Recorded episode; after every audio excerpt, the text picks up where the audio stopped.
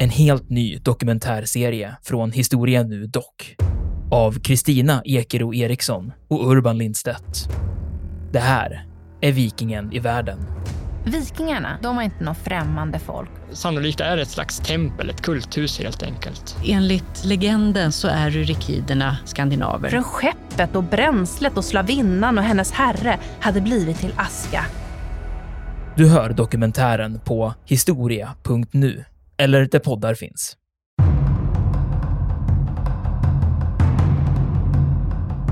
Å ena sidan så har man från tysk sida, de här officerarna, varit noga med att påpeka hur bra de här pansarvagnarna är. Samtidigt så är det ju tydligt att de här pansarvagnarna havererar ju totalt hela tiden. Jag upptäckte en liten intressant historia att 1943 Alltså samma år som det här pågick så skickade man tre stycken finaste T34 som man kunde producera.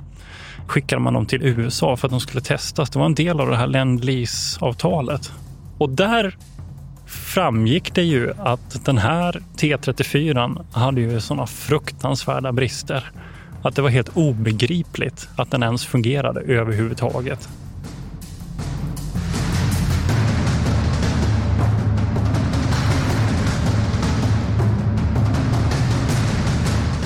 Militärhistoriepodden är podden om krig med människor och samhället i fokus. Programledare är Martin Hårdstedt, professor i historia vid Umeå universitet och Peter Bennesved, doktor i idéhistoria. Podden ges ut av förlaget Historiska Media. Stöd gärna MH-podden via vårt swishnummer 123 610 76 68. Märk betalningen med MH-podden.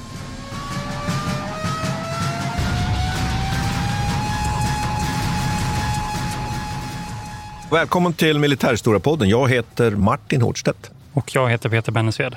Temat idag, avgörandet, det återkommer vi till här, på östfronten. Slaget vid Kurs, klassikern. Men vi kanske ska börja med att lite sätta in det här. Det är ju så här att vi har ju tappat faktiskt lite Stilla havet, Peter. Visst har vi gjort det här nu? Och det måste vi återkomma till. Ja, vad var det vi gjorde sist? Så var det Midway? Ja, Midway, ja. Och sen har vi ju faktiskt pratat om Nordafrika och Sicilien. Och då kan man ju informera lyssnarna om att landstigningen på Sicilien den äger rum precis samtidigt som det som vi ska ta upp idag, nämligen slaget vid Kursk. Men vi kanske ska grunda lite med situationen. Det pågår ju väldigt mycket 1943. Den föregående krigsvintern har ju tyskarna utstått nederlaget vid Stalingrad, eller hur? Och till följd av Stalingrad-nederlaget så flyttar ju Sovjetarmén fram sina positioner. Och tyskarna pressar ju tillbaks. Och man hade ganska stora problem på tysk sida, men får så småningom då stopp på den här motoffensiven och kan lite motanfalla. Och bland annat då slåss man ju om en väldigt aktuell stad, Charkov, där man ju utkämpar ett antal Charkiv, slag. tror jag egentligen. Charkiv, ja, ja, ukrainska uttalet. Och vi kommer nu att faktiskt till slut här egentligen, på slutet av den här berättelsen som vi ska eh, ta idag, så är det ju så att vi är inne på nästan det fjärde slaget om Charkov. Charkiv. Ja, Charkiv. Jag vet inte ja. exakt, men jag tror att Charkov är nog den ryska stavningen i alla fall. Jag vet inte om man uttalar det. Och Charkiv är nog den ukrainska. Så det är ju ett, alltså ett område som är högst aktuellt idag egentligen. Ja. Och då ska vi komma ihåg också att samtidigt med det här då 1943 så är ju tyskarna i en situation där man inte kan komma åt sina motståndare. Egentligen enda stället där man kan anfalla är egentligen på östfronten. Man kan inte komma åt britter och amerikaner och kanadensare och, och, och övriga motståndare egentligen någonstans. Man oroar sig för landstigningar. Man funderar på vad allierarnas nästa steg är. Eh, är det på eh, västkusten, kanalkusten som det kommer? Är det en landstigning i Italien? Kanske det kommer en landstigning någonstans på Balkan, kanske i södra Frankrike och så vidare. Så det funderar man kring. Det andra är ju att, att eh, slaget om Atlanten, som vi har anledning att ha ett, ett avsnitt på, pågår ju. Och det handlar ju helt enkelt om tonnage. Överföring av resurser från USA till eh, Västeuropa. Vi pratade väl lite grann om det där när vi pratade om, om Bismarck? Det gjorde vi, men vi har anledning att komma tillbaka skulle jag säga, ja, ta ett grepp omkring det här med hela ubåtskrigföring. Och det pågår och kulminerar ju under våren 43, så skulle man kunna uttrycka det. Sen har ju de allierade också inlett sin bomboffensiv som också måste bli ett avsnitt bättre, eller hur? Just ja, så vi har många saker på gång. Men nu ska vi fokusera på östfronten och där ju läget är att man på tysk sida börjar planera för eh, någon form av offensiv. Men man vet inte var. Och här finns det olika åsikter i de tyska överkommandona.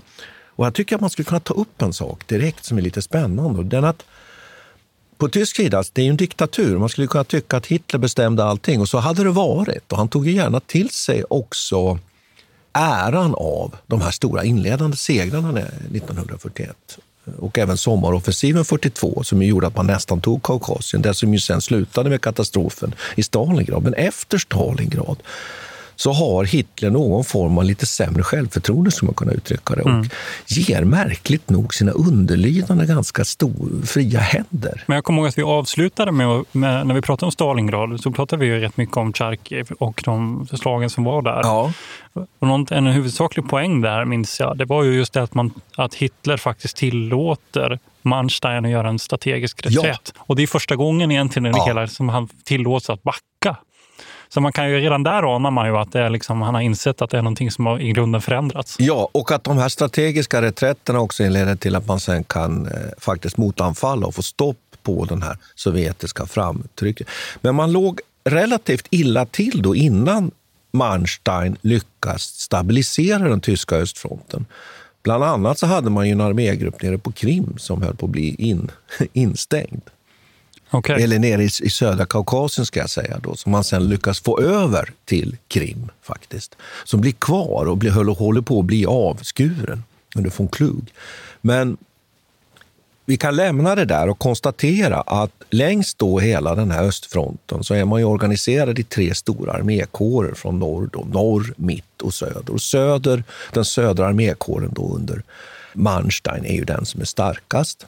Och så börjar man fundera nu i den i tyska ledningen. Hur, hur ska vi nu anfalla? Var ska vi anfalla? Och här finns det några, tycker jag, eh, generella skillnader och lite olika uppfattningar. Guderian, som vi ju känner, som mm. så att säga pansargeniet, om man mm. uttrycker sig så.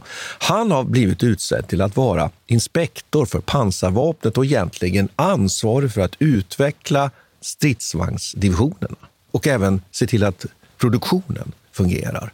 Och där har man ju i pipen, som det heter, ett antal nya modeller av stridsvagnar. Vi återkommer väl till det där. Men Guderan han tycker, kanske mot bakgrund just av det där att han har ansvar för produktionen av stridsvagnar, han tycker att man ska helt avstå från anfall. Man ska helt enkelt invänta, inordna sig och stabilisera och skaffa kraft och istället vara mera beredd att så att säga slå tillbaks ryska anfall. Det är lite intressant. Men sen Erik von Manstein, som gör hjärnan bakom anfallet på Frankrike, som ju är chef då för armégrupp eh, Syd, han har ju en annan idé. Han lanserar och försöker få Hitler med på det här. Han kallar den här, vad ska vi kalla det för, operativa, ja det är väl en operativ eh, sätt att hantera det ryska anfallet. Han säger Schlagen aus der Nachhand. Och det betyder i stort sett att man ska låta ryssarna anfalla och så att de här ryska tätförbanden får långa underhållslinjer. Och sen ska man motanfalla och inringa de här. Alltså en form av eh, ja, operativ lurendrejeri. When you're ready to pop the question, the last thing you want to do is second guess the ring. At BlueNile.com you can design a one-of-a-kind ring with the ease and convenience of shopping online. Choose your diamond and setting. When you find the one, you'll get it delivered right to your door. Go to Bluenile.com and use promo code LISTEN to get $50 off your purchase of $500 or more. That's code LISTEN at Bluenile.com for $50 off your purchase. Bluenile.com code LISTEN. Many of us have those stubborn pounds that seem impossible to lose, no matter how good we eat or how hard we work out. My solution is PlushCare.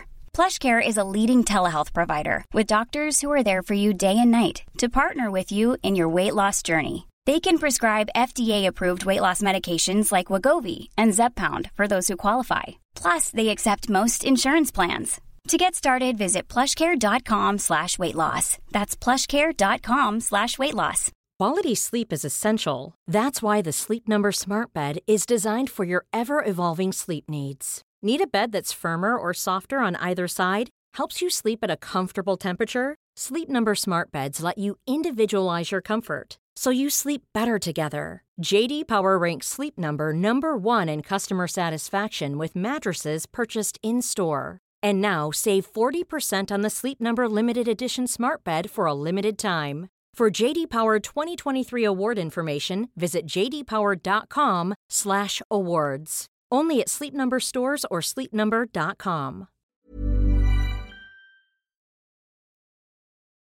Jag kan inte undgå att göra sådana liknelser med det som pågår i Ukraina just nu. Ja. Det är väl precis den här taktiken som eh, den ukrainska ja, Försvarsmakten fast, försöker ja, med att de släpper in egentligen ja, ryssarna. Fast på lägre nivå. Alltså ja. På den taktiska nivån gör man ju det.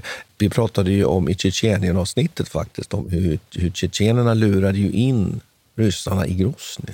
Men då är det ju på taktisk nivå, alltså på allra lägsta nivå. Då är det ju liksom pluton och kompani. ja, och det, Här, är det liksom, Ja, det är på en operativ nivå. Man tänker sig att man, man låter ett antal ryska divisioner helt enkelt anfalla. Man låter dem komma ganska långt och sen klipper man, inringar dem och, och nedkämpar dem. Så det tycker jag är lite spännande. Men det här får, får nej från Hitler. Hitler är väldigt hård här. Han är inte beredd att tillåta det här. Och det handlar ju om att man ju då kommer att, framförallt så handlar det om den här fixeringen vid att inte släppa terräng. Så menar ju forskarna, att det är det som, som ligger bakom Hitlers vägran. Utan istället blir det så att man tänker sig att efter de här operationerna i kölvattnet på Stalingrad, rysk offensiv, tyska motanfall som vi har varit inne på, så finns det en utbuktning, en rysk utbuktning kring då den här orten Kursk. Och det här är ju området norr om Charkiv, ja. dagens Ukraina. Det finns en stad som heter Briansk också som ja. är rätt central här. Och den har också varit på nyheterna nyligen att det har varit eh, attacker mot ammunitions och oljedepåer där. Så det ligger någonstans mellan Briansk och Charkiv. Ja, och det, det är precis i det här området där kriget förs idag. Det är ja. nästan lite kusligt faktiskt att det är på det sättet. Och där, där bestämmer man sig för att den här utbuktningen ska vi eliminera med en klassisk kniptångsmanöver. Och man börjar nu aktivt på tysk sida att förbereda då dels då delar av den här armégrupp Mitt, den nionde armé, under en befälhavare som heter Model. Han ska anfalla så att säga från norr ner, ledd av pansarförband. Och sen söderifrån då den fjärde pansararmén under en befälhavare som heter Hot, som ju för övrigt var en av pansarkårsbefälhavarna när man besegrade Frankrike som ju gick över eh, floden Mös och så vidare. Då. Och sen har man en pansargrupp under en befälhavare som heter Kempf. Så här har vi de här tyska förbanden nu som ska sättas in. Och, och, det kan man väl nämna här att i den fjärde pansararmén där så har vi också den här andra SS pansarkåren där vi har de här SS pansardivisionerna som är de bäst utrustade. Då. Men varför tar det nu sån tid att komma igång med det här anfallet. För det som rimligtvis borde ju vara bäst skulle ju vara att ganska tidigt, för vi har ju en sak på ryska fronten som vi har pratat om tidigare, det är ju den här lervällingen. Just det. Ja. Mm. Eh, och den kommer ju på våren och den kommer på hösten, så ska man föra krig ska man göra det under sommarsäsongen. Så det tyskarna funderar på här nu, det är ska vi anfalla direkt? Eller ska vi invänta vad då? Jo, ska nu vi pratar vi maj, som är direkt. Ja, ja. precis. Direkt, mm. alltså när det har börjat torka upp. Mm. Anfallet kommer ju sen att först komma i juli mot den här kursfickan. Och problemet är ju det att väntar man längre, då förbereder sig ju ryssarna. Och ryssarna börjar ju nu på sin, åt sin sida ju att pumpa in förband i det här området och börja förbereda sig på det här anfallet. Och här tycker jag det är intressant också att diskutera lite den här ryska, sovjetiska ledningsstrukturen. Att Stalin, eh, han håller sig lite borta faktiskt. Han har också tappat, eh, jag ska inte säga att det är likt Hitler, men han inser kanske att hans kompetens inte är den bästa, framför allt då faktiskt efter katastroferna i krigets inledning 1941. Men han låter ju faktiskt de här eh, ryska eh, generalerna generalen och fältmarskalkan hållas här. Den här Vasiljevskij och Sjukov. Så det är de som planerar det här. Och de är också inne på att sätta igång en, en, en anfallsoperation. Men de är också samtidigt lite tvehågsna kring detta. Var ska de anfalla och så vidare. Men har de inte, vet de inte allting? Alltså jag har fattat det som att de har väldigt jo, god information. de har väldigt bra information. Mm. Och det beror ju på att ryssarna får ju underrättelser från britterna framför allt. Och det tycker jag vi ska ta i ett särskilt avsnitt faktiskt. Just vi nöjer oss här med att konstatera att man får underrättelser. Dessutom finns det centralt placerade faktiskt spioner också. Just det, men för det är det som jag har läst, att det har varit mycket prat om att partisaner egentligen på, ja. alltså folk som har infiltrerat. Mm. Jag antar eh, ukrainare och ryssar som, som bor i området har, har rapporterat in till. Liksom. Man Men sen har man också centralt placerade spioner alltså i de tyska ledningsorganen. Ja, ja, ja. ja så att eh, mm. I OKV till exempel, då, som är liksom ledningsorganet, högkvarteret för, för den tyska Wehrmacht och armén, då, där har man god information. Och Det här gör ju att nu börjar ryssarna att bygga upp och på stalinistiskt maner då, så använder man ju hundratusentals civila som gräver du vet, eh, stridsvagnsgravar och hjälper till med fältbefästningar. Och man fullständigt liksom fyller hela det här området också med minor. Det är ganska spännande. Jag, jag läste en uppgift att, att per så att säga, areal, areaenhet här så är det fyra gånger så mycket minor, stridsvagnsminor, truppminor som under försvaret av Moskva på vintern 1941. Så att man säger att det här fylls alltså med befästningar i djupa, djupa linjer, i flera parallella linjer med fältbefästningar, med, med kulsprutenästen, med, med nedgrävda positioner för pansarvärnsvapen och så vidare, och så vidare som överträffar det man hade under, på västfronten. Men alltså det här det får mig att tänka på en, ett lustigt förhållande här nu. För jag har tänkt mig hela tiden slaget, som, slaget om Kursk som ett slag där ingen av sidorna så att säga, har grävt ner sig. Men det är ju tydligt här och det du berättar, också det som jag läst om här, att det blir ju mer som att tyskarna anfaller ju en befäst position. Egentligen. Ja, de anfaller. Och då fattar inte jag styrkeförhållanden, det känner man väl till sedan gammalt. Ja. Att det måste vara att styrkeförhållandena måste vara tre gånger så stora minst egentligen för att kunna klara en sån situation. Ja, i bebyggelse brukar man sex, säga sex mot ett. Ja. Men tre mot ett brukar man säga. det betyder kompani anfaller pluton, så att säga. Bataljon anfaller kompani om man ska ta det lite enkelt. Ja. Så det är alldeles rätt. Och en sak som man kan fundera lite kring här är ju att så desto längre man väntar från tysk sida, desto mindre möjlighet har man ju att använda det man ju klart överlägsen på, nämligen rörlig krigföring. Så det gör ju att man kommer få anfalla in i ett område där ju motståndaren gör allt för att få ner hastigheten på motståndaren. För det inser ju ryssarna att vi kan inte, vi kan inte möta tyskarna på öppen mark med pansar.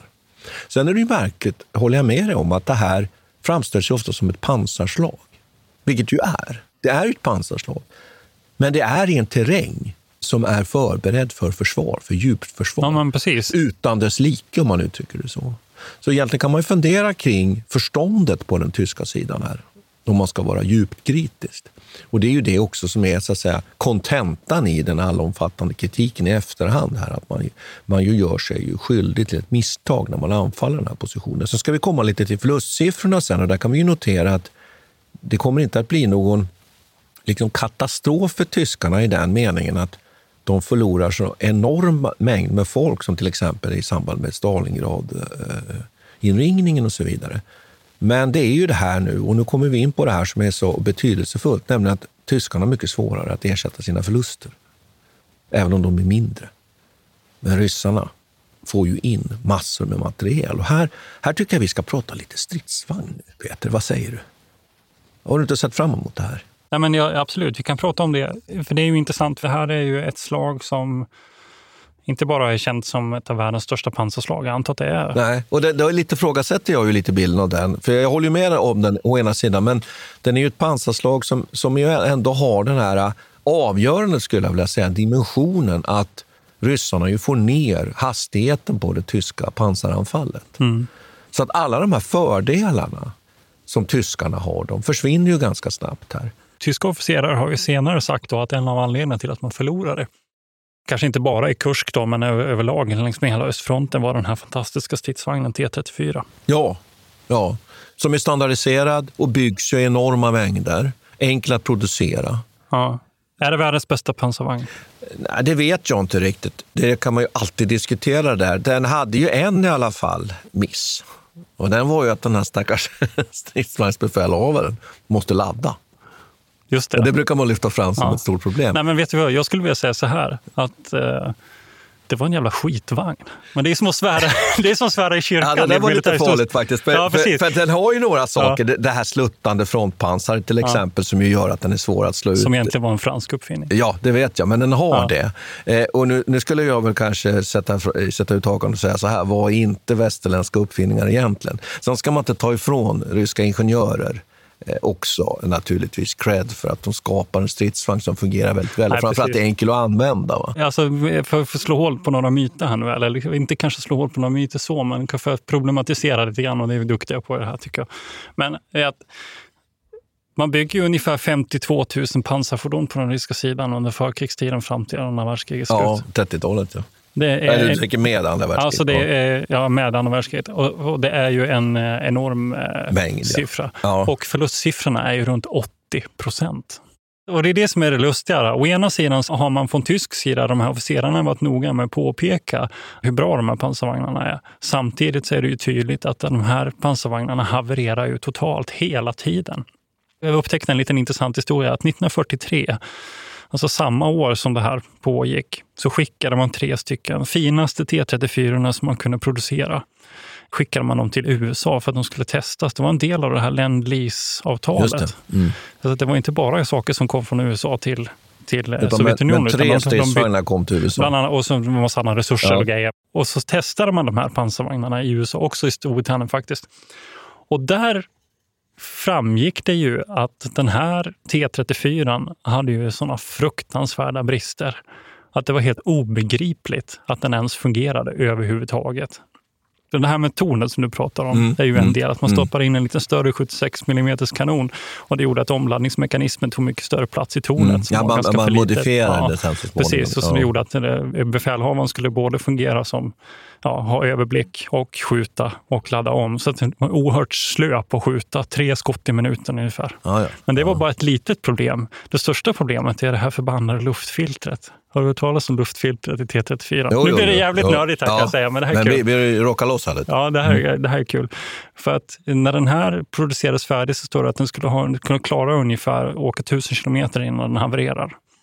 Men i praktiken så klarar de ungefär 200 kilometer innan motorn skar sig. Och det var för att man hade ett luftfilter som var genomsläppligt till, till 20 eh, procent. Så 20 procent av alla partiklar åkte rakt in i motorn bara. Så motorerna skar sig precis hela tiden. Så överlevnaden på en T34, det var ett till tre slag, max 20 kilometer i terräng. Sen havererade de. Men då, då kommer jag kontra här.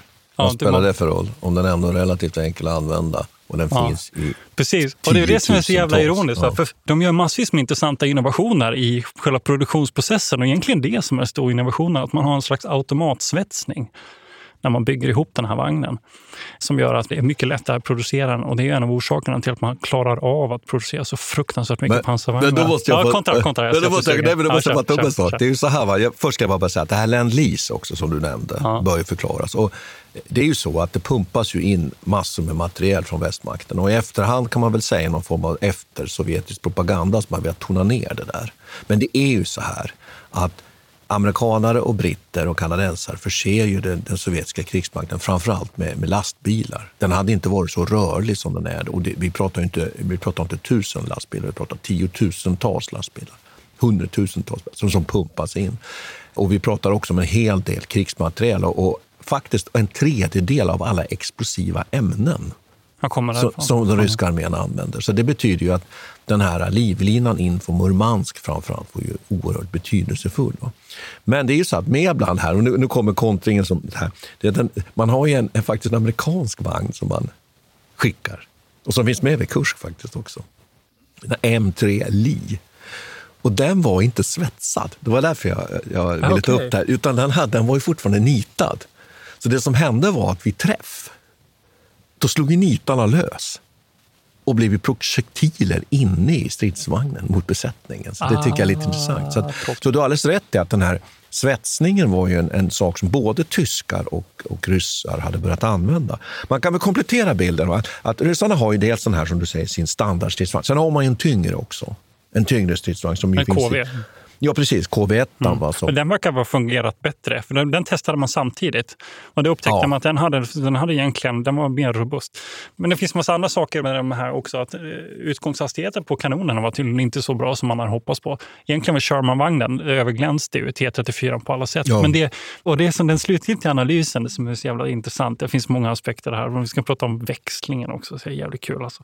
Men den slutliga analysen från amerikanernas sida är att den här vagnen, T34, den är tillräckligt primitiv ryska, de sovjetiska soldaterna ah, ska klara av att hantera den. Ja, okay. den är så pass, den är så pass primitiv i sin ja. utformning och den är så pass lätt att producera att egentligen vem som helst kan hoppa in i den och köra den.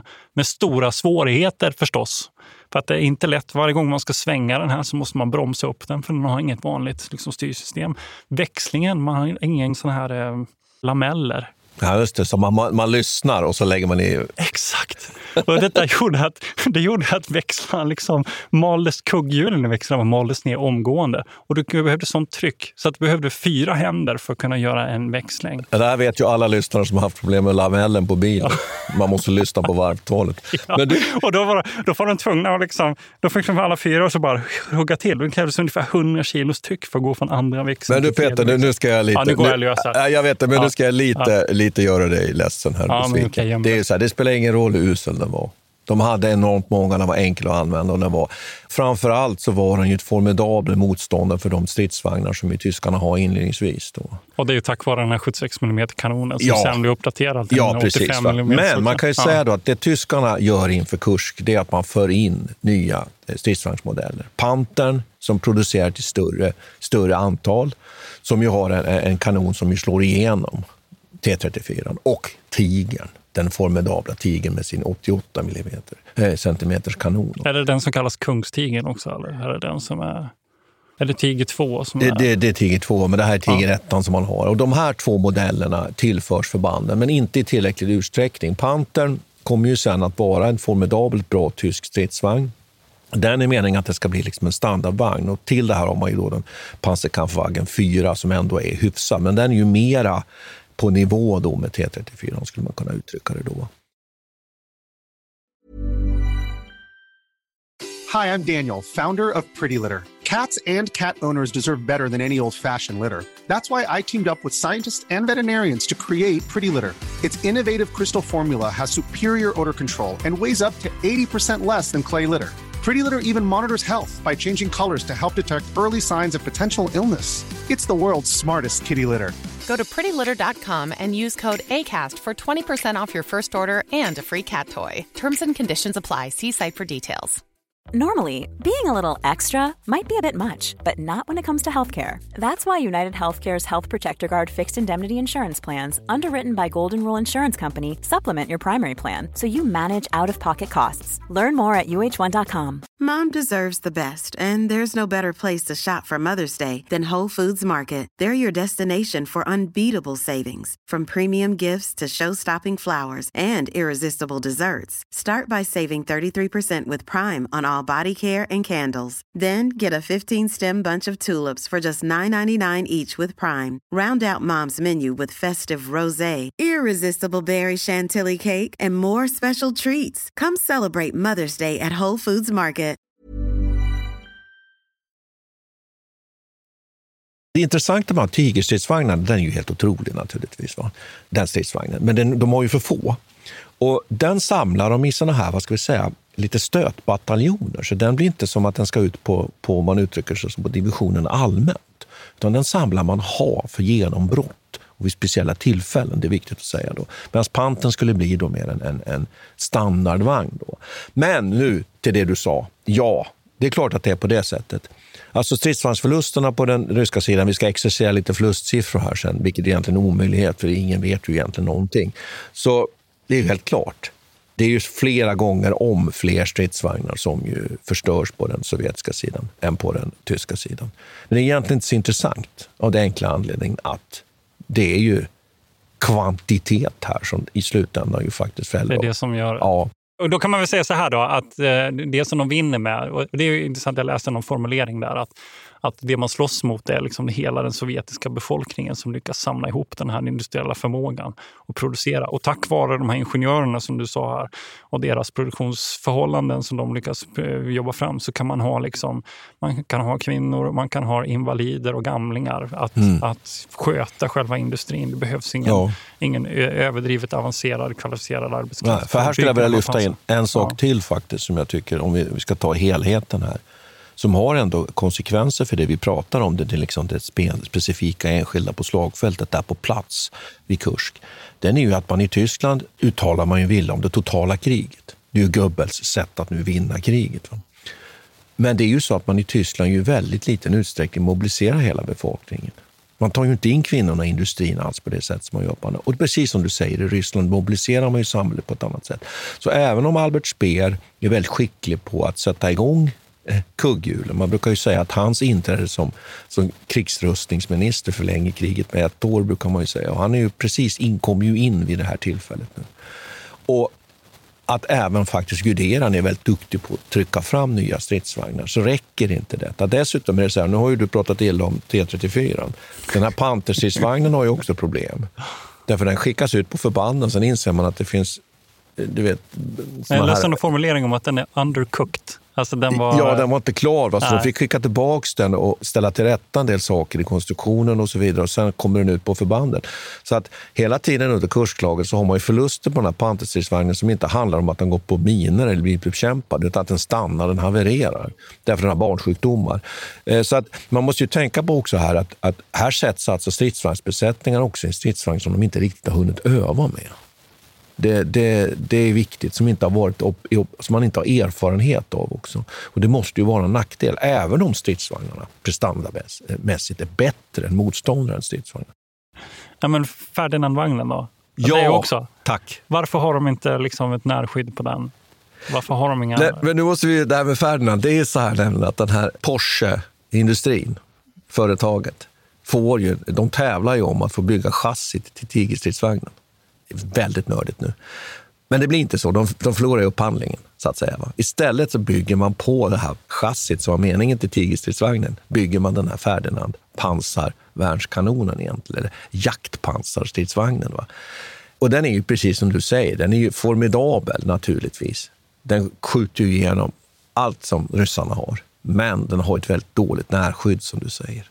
Och den blir ju ett väldigt lätt byte. Va? Den är väldigt tung och kör ju ofta fast, alltså rent bokstavligen. Ja, det de gör, de springer fram med, med, med ja, minor och de ja. springer fram med sprängladdningar och granater. Ja, och, och men det här slaget nu då, Kurs, det här, och då kan man säga att skälet då till att det här tar väldigt lång tid, det skjuts upp och det skjuts upp och det skjuts upp och uppenbarligen har man kalla fötter. De här befälhavarna, Model och Hut, de säger så här, vi kan inte anfalla förrän vi får mer förstärkning och så vidare och så vidare. Hitler får kalla fötter, Manstein får kalla fötter och till slut så ändå tvingar man fram det här anfallet som sätts igång då den 5 juli. Och det övertag man har, vi har pratat om rörligheten, det är en annan sak som man har som övertag på grund av sin högkvalitativa utrustning på den tyska sidan, det är att man har avståndet. Så det gäller ju då för ryssarna att komma in på livet, komma nära tyskarna direkt, för då har man en chans som du är inne på här. Du pratar om att komma nära de här Ferdinand-stridsvagnarna. Och det man kan säga så här att trots att tyskarna ju bryter igenom, både i norr och i söder, det gör man. Man tar sig igenom stora delar av de ryska fältbefästningarna och de här försvarslinjerna, så kör man till slut fast. Och ryssarna kan motanfalla.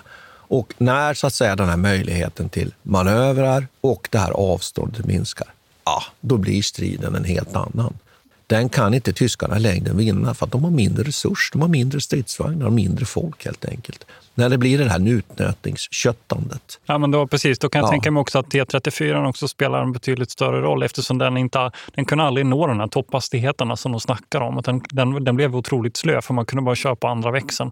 Men i ett sånt läge när, när det bara handlar om eldkraft, liksom, att kunna pumpa fram tillräckligt många pansarvagnar, Mm. Då kan mm. ju den här kvantiteten verkligen komma till sin rätt. Ja. Och det, då räckte det bara med att, jag vet att man har hört mycket historier också om att de har slut på bränsle. Och framförallt är det oljan. Den krävde så otroligt mycket olja för att underhålla den där, för att hålla motorn igång. Och det var mycket större brist än själva dieseln som man behövde till motorn. Så många av de där var ju i princip stationära. Mm. Så de stod bara. Mm. Ja, precis. Och det typiska är ju att Tigerstridsvagnen vid många tillfällen den, den står ju stilla och skjuter prick. Och det går bra så länge avståndet är lagom. Men sen när, när ryssarna kommer närmare blir det större problem. Det finns ju många som har räknat lite på de här eh, vad ska vi säga, proportionerna här. Och man, man räknar med att, att eh, Sovjetarmén har ungefär dubbelt så många stridsvagnar, finns det sådana uppgifter på. Skillnaden när det gäller artilleri är 4 till 1 till Sovjets fördel. Och när det gäller manskap då ungefär 4 till 1 Nästan 3 till 1, ja. Så det gör ju att ryssarna har ju också ett enormt artilleriövertag. Sen är det inte säkert att de förmår använda det i alla fall. Därför att det krävs ju att man leder rätt också. Leder effektivt. Men här har vi ungefär eh, styrkeförhållandena. Så att du är ju inne på de här proportionerna 3 till 1. De föreligger ju egentligen inte. Jag ska inte säga att det är en slavisk regel. Det låter nästan som att det är tvärtom. Ja, ja faktiskt. Så att hela det här egentligen för mig, kursslaget, framstår för mig egentligen som Eh, ganska märkligt egentligen. Jag tror att det framtvingar, man måste anfalla någonstans. Var ska vi anfalla? Det här verkar vara operativt genialt att ta den här utbuktningen. Vi använder de delar av armén på östfronten som har de största resurserna. Vi kan inte göra något anfall i norr, för det, norra armégruppen är för svag. Vi använder mitt och vi använder syd som är den starkaste. Och, och vi försöker också försvara de här områdena, för det tycker jag också är viktigt att föra in här. att Det är ju viktiga områden det här för matproduktionen till exempel i Ukraina. Det är ju därför Sovjet gärna vill återta de här områdena. Och man drömmer ju fortfarande på tysk sida om att kunna återuppta offensiven mot Kaukasien och ta de här oljefälten. Så att det ligger också där i bakgrunden. Vi har inte pratat så mycket om, om, faktiskt om, om luftkriget heller. Där visar det sig att, att Sovjet nog för första gången börjar lite på allvar matcha tyskarna. Ja, faktiskt. precis. Att de har mycket skenmål och så. Ja, och att de också börjar ha flygmateriel och kvantitet. Och det, det, är också någonting som är viktigt. Man kan väl säga så här, för att liksom avrunda det här lite op operativa nu, som det heter, då, att det kör fast eh, anfallet från norr och det kör fast från söder. Och det utkämpas då det som man brukar kalla för det här klassiska pansarslaget då vid Proshorovska. Jag tror det uttalas så. Proshorovska som man ju ofta brukar säga att det är då den 12 juli, att utkämpas en dag. Det där brukar historikerna då vilja nyansera lite. Det, det kanske är en serie av operationer, men där möts då väldiga koncentrationer av pansar och det blir ett sånt där rekonterslag som det heter. Det vill säga att båda sidor är på väg framåt, så möts man. Ja. Det är en ganska intressant eh, situation militärt, att båda är under anfall. Vilken slakt! Ja, vilken slakt. Och där går ju oerhört många stridsvagnar åt på båda sidor. Där avrundas och startas upp och sen följer egentligen om man, eh, eh, det här Operation Citadel som det heter på tysk sida, den är ju liksom därmed avrundad och avblåses faktiskt. Det är första gången som faktiskt Hitler avblåser liksom en, en, en offensiv. Och man inser på tysk sida, man, man tror dagarna tidigare, 12 juli, att man ska kunna, kunna genomföra det här genombrottet och nå varandra så säga, från norr och söder. Men man inser att man kan inte fullfölja. Och då sätter ryssarna igång då motoffensiv, för de är förberedda på det och trycker då tillbaks tyskarna i norr och, och i söder. Och precis där som vi var inne i inledningen här, man återtar Charkiv. Det, det är viktigt. Ja.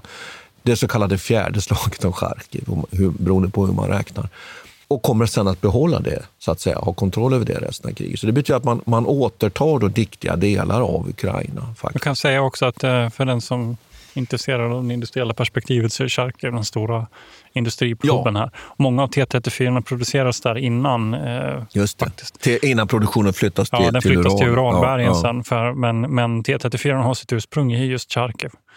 Eh, och likadant i Stalingrad också. Den beryktade traktorfabriken i Stalingrad är ju en producerade upp 40 procent av de här innan, ja, innan slaget. Och, och, man kan väl säga så här att det är två stycken sådana här motoffensiver. Då. Den ena kallar man då för Kutuzov i norr och sen den här som man kallar för Romansjev i söder. Och den avrundas då, så att när vi slutar egentligen den här historien, den som inleds då i början på juli, den avrundas då den 23 augusti då man då intar, återtar då, får kontroll över det här området och avrundar sin, sin eh, motoffensiv. Och en sak som jag tycker är spännande här är att man börjar skjuta salut i Moskva för varje stad man återtar. Det är lite spännande. Så för varje stad man återtar så börjar man skjuta salut. Och det börjar man just nu vid den här tiden. För nu inser man ju att man är på något sätt på väg att vända det här kriget. Och vad är summeringen här nu då? Jo, den är ju det att Sovjet och ryska sidan för första gången lyckas stoppa upp och vinna en, en sommarkampanj. För det har man inte gjort tidigare. Och man inser en sak. Här kommer, och det är därför man nog kan påstå att det här mer egentligen är vändpunkten än Stalingrad.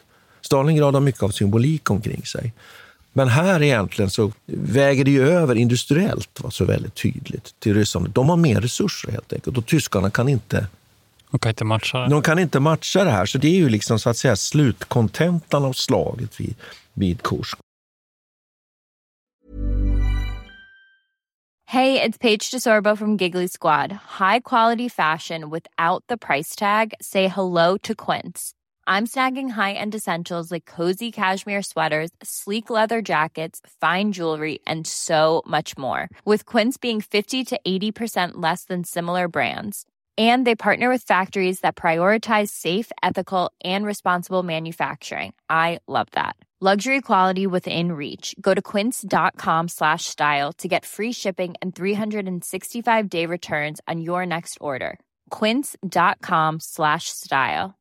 Normally, being a little extra might be a bit much, but not when it comes to healthcare. That's why United Healthcare's Health Protector Guard fixed indemnity insurance plans, underwritten by Golden Rule Insurance Company, supplement your primary plan so you manage out of pocket costs. Learn more at uh1.com. Mom deserves the best, and there's no better place to shop for Mother's Day than Whole Foods Market. They're your destination for unbeatable savings, from premium gifts to show stopping flowers and irresistible desserts. Start by saving 33% with Prime on all body care and candles. Then get a 15 stem bunch of tulips for just $9.99 each with Prime. Round out mom's menu with festive rose, irresistible berry chantilly cake, and more special treats. Come celebrate Mother's Day at Whole Foods Market.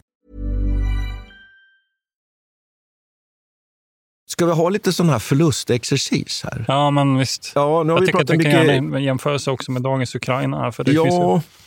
och det, det är nu Ja. väldigt svårt med de här förlustsiffrorna. Det finns många forskare som har, som har diskuterat de här siffrorna. Jag skulle faktiskt vilja, vilja om vill man läsa om slaget vid kurs så har man ju väldigt stor användning eh, för den här boken, eller behållningen av den här boken om Anders Franksson och Niklas Zetterling som är ju oerhört detaljerad. Men som också reder ut alla de här sakerna kring slaget vid kurs. Så jag rekommenderar den. En väldigt bra bok på, på svenska för den som är intresserad. Och det är väldigt svårt att komma åt de här förlusterna egentligen. Och vad menar vi? Menar vi operation Citadel och, slaget vid Kursk eller menar vi också, räknar vi också in de här ryska motoffensiverna norr om Ja, Kursfickan det. och söder. Så det beror lite på här. Men det som är intressant i alla fall, tycker jag, konstatera och summera, det är väl egentligen proportionerna lite mellan förlusten. På den tyska sidan då så räknar man med att man kanske förlorar ungefär 300 stridsvagnar helt utslagna. Och sen har man dessutom naturligtvis ett antal som är förstörda, ungefär 1600 stridsfordon som man då får förstörda och en del kan säkert av dem lagas. Tittar man då på, de, på den ryska sidan då så räknar man, och det här är jättesvårt för det finns olika arkiv och olika statistik naturligtvis. Men mellan tummen och pekfingret så, så kan man ju räkna med att ryssarna förlorar någonstans mellan 1600 och nästan 2000 stridsfordon. Och det är ju ganska stora skillnader här, eller hur? Va? Ja, det är helt Och tittar man, ja, och tittar man på, på förlusterna i män då, så räknar man ju med att, att förlusterna sammanlagt då på, på den tyska sidan med stupade fångar och sårade, drygt 50 000. På den, på den ryska sidan uppemot en 180 000. Så här, ja. Och hur många stupar här, hur, hur många dör då? Det, det är jättesvårt att räkna samman det här och väldigt svårt att komma åt. Ska man räkna ihop alltihopa så blir det ju förfärande siffror. Det är egentligen ganska svårt att få något grepp hur många som egentligen i verkligheten dör och hur många som skadas. Men där ungefär ligger, ligger så att säga mellan tummen och pekfingret de här förlustsiffrorna. Ganska stora siffror ändå. Men egentligen, om man tittar specifikt på slaget vid Kurs, då, det här Operation Citadel, så är det inte så att de är så fruktansvärda egentligen, förlusterna. Nej. Inte sett som en Inte helhet ty- från hela östfronten. Nej, nej. det är bara några procent av det man förlorar. Och Det är lite spännande. Så att det handlar alltså egentligen inte om hur stora förlusterna är i absoluta tal, utan det är relativt om man kan återskapa dem. Hur mycket stridsvagnar man kan återproducera. Det är ju det som är så att säga den, den svåra saken här. Utökar man då de här förlustsiffrorna och man räknar in de här operationerna som följer, lite mera helheten, ja, då kommer förlustsiffrorna upp i 160 000 ungefär på tysk sida.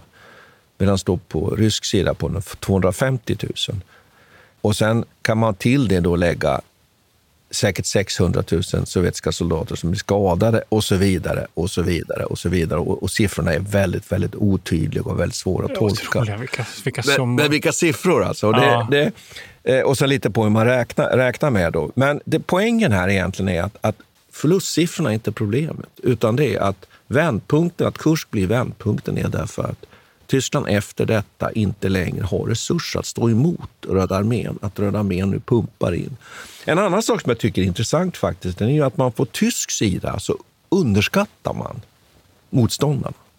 man har naturligtvis en hel del underrättelse om de här, att de håller på att bygga ut de här försvarssystemen, Kursk och så vidare. Och det är därför det är ofattbart att man anfaller där, skulle man kunna tycka. Men man underskattar storleken på den sovjetiska armén. Det intressanta är att ryssarna överskattar tyskarna. Det här känner vi igen. Det är kommer lite intressant. Ja, men kommer du ihåg, det var precis samma situation under Kuwaitkriget med Saddam, ja. Saddam och eh, amerikanerna å sin sida. Att man, Ryssarna tror faktiskt att, att det är 5,3 miljoner man på östfronten, men det är bara 3,1 miljoner tyskar. Det är lite, tycker jag är lite spännande. Nu är det ganska intressant att, att eh, det, är väl, det är väl så att säga bra att, att men är det, överskatta snarare. Kan vi, inte, kan vi inte rulla tillbaka till slaget om Kiev? För jag tycker det är intressant, för det är så mm. jäkla många pansarfordon som blir utslagna. Det, det är ju nyligen ja. avslutat nu. Va? Ja, du eh, tänker nu Ukraina ja, idag? det som pågår ja. under 2022. Och, mm. och där, för det är ju en del som uh, pekat på det där, att förlustsiffrorna i pansarfordon börjar närma sig slaget om Kursk. Men vi vet ju inte riktigt än där, alltså nej, hur, hur mycket som förlorades på den ukrainska sidan. Men på den ryska sidan är det ju upp mot 700-800 pansarfordon. Då är inte bara stridsvagnar medräknade där. Men det är helt andra typer av eh, förlustsiffror i manfolk också. Det går inte ens att jämföra egentligen med mängden. Men där, men där, är, är det återigen den här frågan nu då, hur mycket, och det spekuleras ju om detta hela tiden i media, om kan Ryssland klara av att fylla igen de här bataljonsstridsgrupperna igen efter ja, alla de här ja, förlusterna? Problem, Så det är precis, precis samma mm. problem och, och, och från västs sida fyller man i alla hålen på Ukraina. Eh, ja, för, samma, samma, att, att krig också handlar väldigt mycket ja. om kvantitet kan man ju konstatera. Ja. tycker lite och förmågan att liksom återskapa den här förlorade ja. Eh, resurserna som, som hela tiden... Ja. Och sen är det så intressant tycker jag också man jämför med utgångsläget då, där man kan liksom säga att, att tyskarna har väl ungefär nästan 800 000 man i den här operation Citadel om man räknar in de två kilarna som anfaller och också de förband som ju liksom håller ställningarna mellan de här två anfallskilarna. Då. På ryska sidan finns det 1,9, kanske 2 miljoner man. Nästan 3 000 stridsvagnar på tysk sida. Ryssarna har drygt 5 000, om nu de här siffrorna eh, stämmer. Då. Det är ganska intressant. Det är klart att förlusterna blir större. Det, är ju helt uppenbart du, att, att ryssarna jobbar mycket med kvantitet. Nu, nu fick jag en tanke här, en ja. spaning framåt. Mm. Tror du massarmén kommer tillbaka? Jaha, du tänker, ja för det här är ju massarmén ja. naturligtvis. Ja.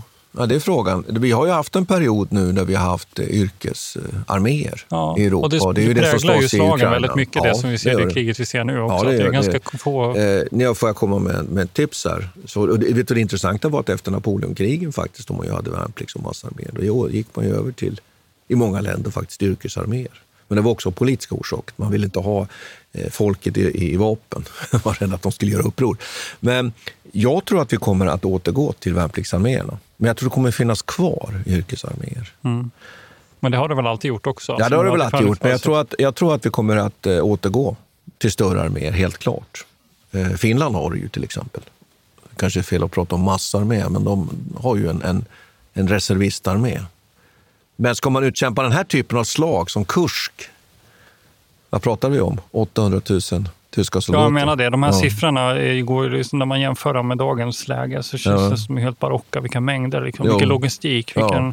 Tänk vilken, så mycket olja och bensin och mat som ska in för att underhålla den här apparaten. Mm. Helt säger, otroligt. Ja. Och samordningen också. Att få de här, eh, det vet jag nog att jag läst om T34 också, att deras radio Eh, radioutrustning var helt en katastrof. Men, liksom. men, om vi säger att de här, ja. om vi säger att de här förlustsiffrorna på, på sovjetisk sida, att de skulle kunna uppgå till att man förlorar alltså 2000 stridsvagnar. Så om du skulle ställa upp dem på ett fält, det är vilken enorm ja. mängd. Tänk så mycket stål. Ja. Ofta har man ju ett stridsrop på sovjetisk sida. Det tycker jag blir en bra av, avrundning här faktiskt.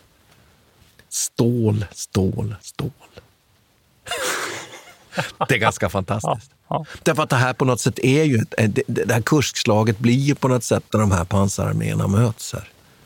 Det blir ju stål mot stål.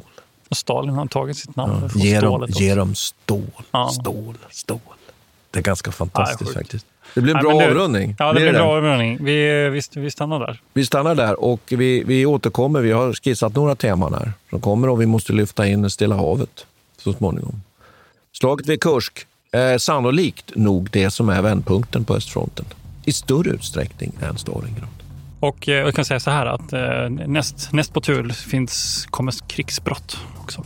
Just det. Ja, tack ska du ha. Tack ska du ha. Vi tackar Peter Bennesved och Martin Hårdstedt. Kontakta gärna Militärhistoriepodden via mejl på militarhistoriepodden historia.nu. Peter och Martin vill gärna få in synpunkter och förslag till programidéer.